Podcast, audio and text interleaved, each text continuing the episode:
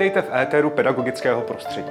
Národní pedagogické muzeum a knihovna Jana Ámose Komenského si pro všechny učitele a další posluchače připravilo podcast s Komenským u mikrofonu. Dnešní rozhovor proběhne s výkonnou ředitelkou Českého výboru ICOM Martinou Lémanovou. Dobrý den, paní Lémanová, vítám vás v Národním pedagogickém muzeu. Dobrý den, pane Škodo, já moc děkuji za pozvání. Nemáte vůbec zač. Eh, vy jste historičkou umění, eh, máte celou řadu zkušeností, eh, řekněme, z Brna, z Prahy, různé kurátorské aktivity. Byla jste ředitelkou v památníku Lidice a nyní jste výkonnou ředitelkou Českého výboru ICOM. Takže těch zkušeností je opravdu hodně. A já bych se zeptal vlastně na rozdíly českého muzejnictví, protože vy jste tak nějak začínala být aktivní aktivní na přelomu tisíciletí. A mě by zajímal ten rozdíl právě z přelomu tisíciletí a s nynějškem. Aha. Jak si vede české muzejnictví od té doby? Děkuju. Je to až uh, téměř strašidelná uh, otázka, protože ten pohled dozadu opravdu jsou to ty dvě dekády ano. Eh, praxe, eh, kterou mám za sebou.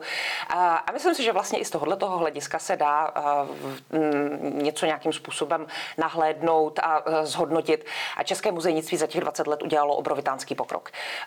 Nutno podotknout, že ale nevycházelo úplně, řekněme, že to nebyl ten pokrok, jak se říká, jako z nuly na sto, že České muzejnictví mělo velmi dobrý základ, který pramení už z 19. století, byla Eh, muzejnictví tady bylo vždycky na velmi vysoké úrovni, takže ani v, po, v průběhu druhé poloviny 20. století, kdy uh, kultura na tom nebyla úplně nejlépe, tak české muzejnictví vlastně mělo, nebo československé muzejnictví v té době uh, mělo docela vysokou úroveň. Uh, zejména co se týče prezentací, přípravy nejrůznějších výstavních projektů.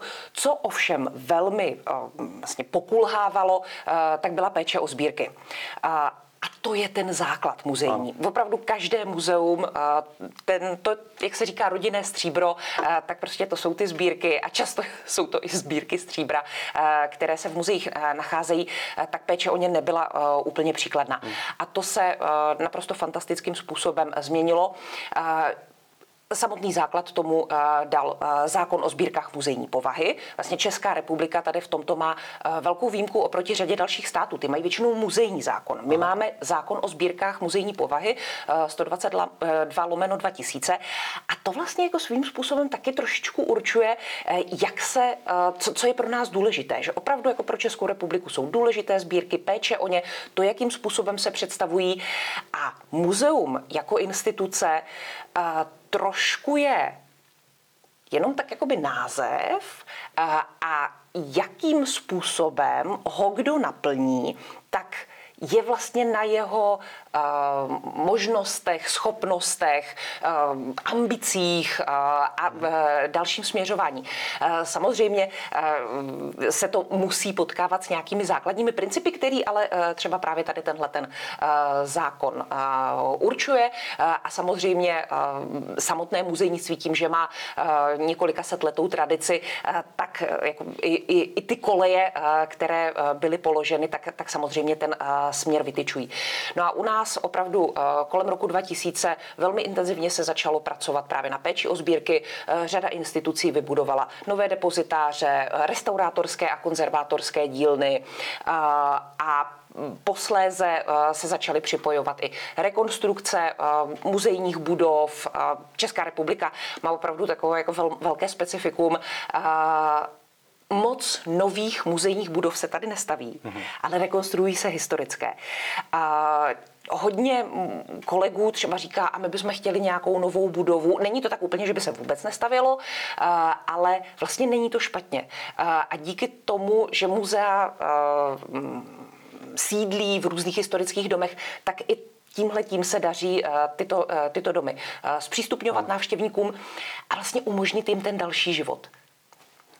A když zůstaneme u toho porovnání, tak by mě zajímal taky světový kontext. Vy jste zmínila celkem tradiční české muzejnictví, ale když opravdu zůstaneme v nynějšku, eh, v těchto dnech, řekněme Aha. rocích, jak jsme na tom?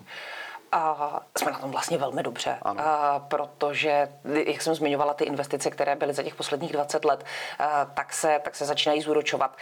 A my se často srovnáváme a, se zeměmi, jako je Německo, Rakousko, po případě Velká Británie nebo Francie, tam jezdíme do muzeí nejraději. Berlín, Vídeň, Londýn, samozřejmě Paříž. To jsou ty meky a tam se jezdí z České republiky do muzeí. A tam potkáváme to naprosto, tu naprosto nejvyšší kvalitu, která v muzejnictví může vůbec být. Což samozřejmě v nás na jednu stranu trošku jako vyvolává takové ty deprese, jako tak tady je to takové skvělé a kdy my toho konečně dosáhneme. Eh, na druhou stranu je to obrovitánský hnací motor, ano. Eh, který nás pohání k tomu, snažíme se prostě dosáhnout těch kvalit, které vidíme eh, tady v těch institucích, které jsou v těch městech, které jsem třeba zmínila, ale jsou to, může to být třeba i Mnichov, dejme tomu. Hmm, co se pak týče ale regionu, tak naše krajská muzea, krajské galerie, městská muzea a další instituce, eh, které máme různě v různých částech České republiky, tak když je srovnáme eh, s institucemi, které vlastně mají, eh, jsou, mají, mají stejnou, řekněme, úroveň jsou v podobných městech, i v tom Německu, nebo v Rakousku, nebo i v té Velké Británii, tak najednou vlastně jako zjišťujeme, že na téhle té úrovni jsme jako mnohem lepší. Opravdu. A je to, je to strašně uh, pozitivní zjištění, když jako vidíte, když najednou jako vyjedete z těch hlavních měst a zajedete někam jinam a zjistíte, že v tomhle jsme, uh, jsme naprosto, při nejmenším uh, jsme naprosto uh, srovnaní s tím, co je, co je ve světě. Takže to je za mě skvělé uh, a tady tím, na tohle bychom měli být velmi hrdí. Hmm, tak to je příjemné slyšet toto. A uh, ohledně nějakého praktického nástroje napadá mě hned edukace. Uh-huh. tak ta edukace, ty vzdělávací programy eh, v našich muzeích jsou dobrým takovým jako doplňujícím nástrojem pro učitele? Tady jsme v České republice jsme udělali obrovitánský krok, hmm. urazili jsme obrovitánskou cestu směrem opravdu k moderní muzejní edukaci a opět zrovna v tomhletom oboru jsme velmi vysoko v celé Evropě. A, nebo i v rámci světového měřítka. A pokud se budeme bavit o edukaci, tak vlastně u nás a i jinde na světě začínala jako takový trošku jako odraz toho, co je ve školách. Kdy do muzeí se chodilo, víceméně na komentované prohlídky. Bylo to takovéto frontální sdělování informací a ty děti jako nebo a vlastně ne, nemusí se to týkat jenom dětí. My, když říkáme slovo edukace, často tím myslíme děti, ale ono je to vlastně celoživotní, celoživotní proces. Tak tady tohleto se u nás obrovitánsky podařilo změnit. Mm-hmm. Edukační programy v muzeích jsou nesmírně kreativní, jsou zábavné a, a čeští edukátoři se často scházejí, mají spoustu různých konferencí, kde si velmi intenzivně sdělují svoje, svoje zkušenosti to jim pomáhá kvalitu jejich práce zvyšovat. A máme ji tady opravdu skvělou. A daří se dělat nejenom to, co je hezké, to znamená mm, kreativní workshopy, dílny, kde opravdu, je, ať už jsou to děti nebo mm, zmiňovaní dospělí, přijdou, něco hezkého vytvoří, odchází s takovým tím pozitivním pocitem, ale e, v České republice je e, řada institucí, které sdělují i třeba velmi nepříjemné informace, o, nebo které sdělují informace o velmi nepříjemných obdobích z naší minulosti. Ať už je to ten zmiňovaný památník Lidice, nebo to může být třeba památník Terezín, Zlín. Je to i řada dalších e, institucí a tam jsou edukační programy opravdu na velmi vysoké úrovni. A děti a mládež, eh, který, kteří vyrůstají, tak často se jim eh, vlastně návštěvou tady těchto institucí, absolvováním edukačního programu eh, podaří získat povědomí o tom jako velmi, velmi smutném tématu z minulosti lepší, než když jenom sedí ve škole.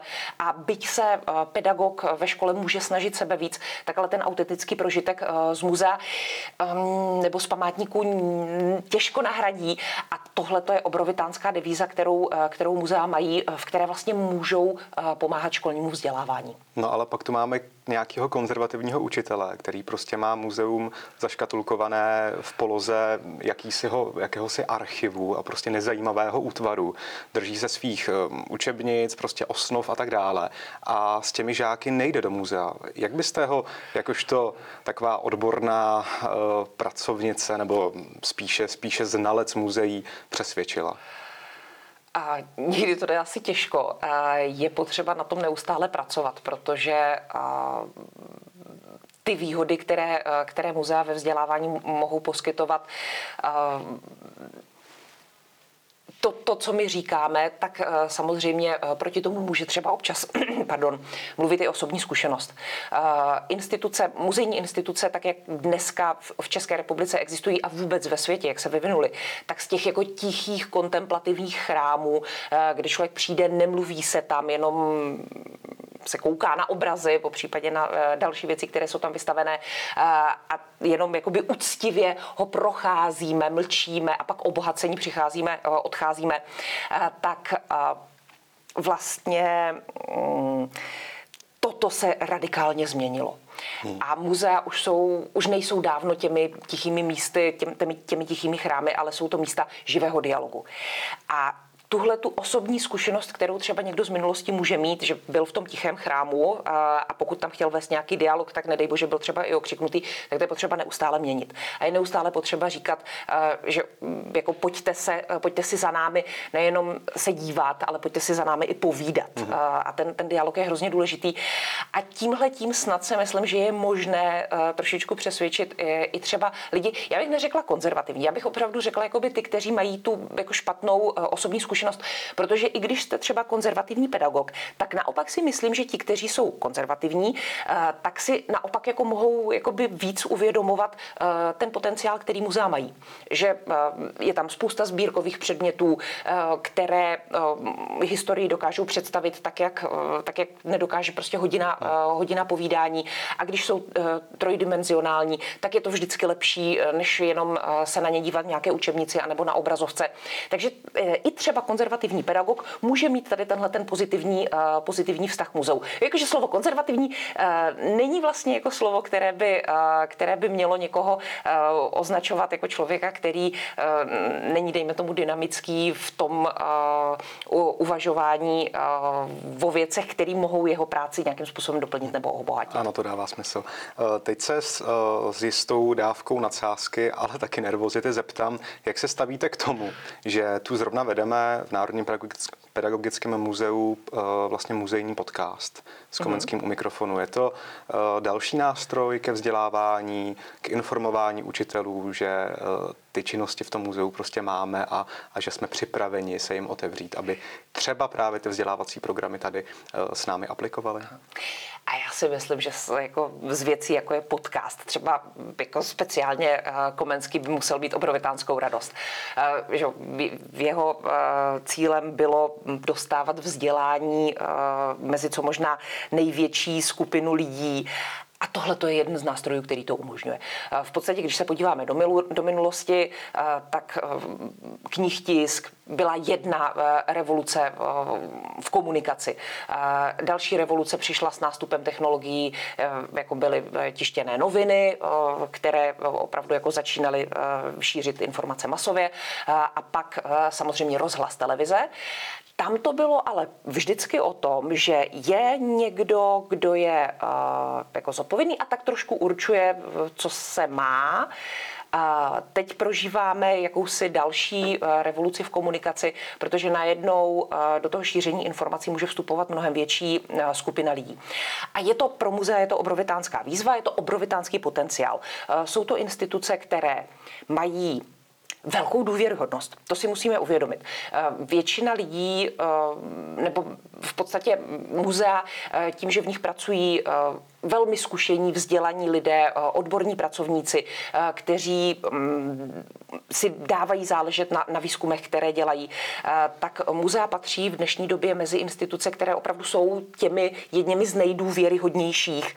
A ve chvíli, kdy najednou ke komunikacím, kterými jsou výstavy, výstavní katalogy, po případě přednášky na různých odborných konferencích, anebo i třeba edukační programy, které už jsou dneska eh, jakoby standardní součástí eh, muzejní nabídky, tak najednou přidáte médium, jako je třeba podcast, eh, tak to vlastně jako otevírá další cestu muzeí do světa komunikací, do toho světa vlastně předávání informací. A já si osobně myslím, že je to velice dobře a je to velmi dobrý nástroj a speciálně pro muzea velmi užitečný. Mm-hmm, tak to rád slyším.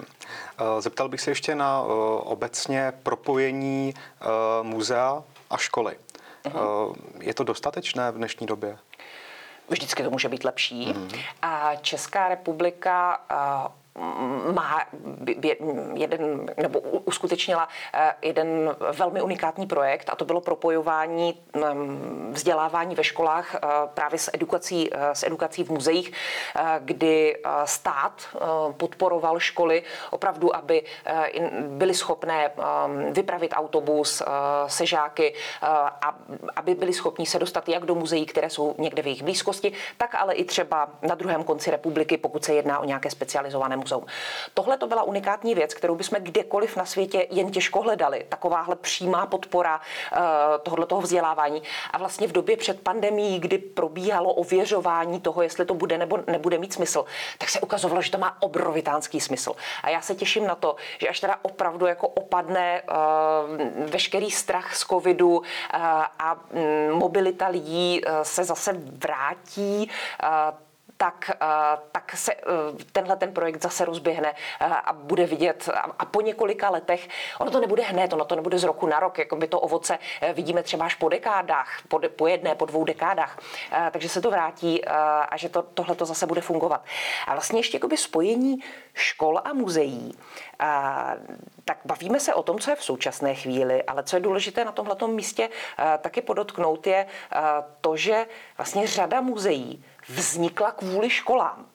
Ať už to byly muzea, eh, které vlastně vznikaly jako nějaké třeba botanické kabinety mm, nebo mm, různé geologické kabinety a tak dále, tak najednou ty školní sbírky, eh, tak jak se utvářely, tak často dali eh, základ různým muzeím, zejména regionálním nebo různým městským obecním.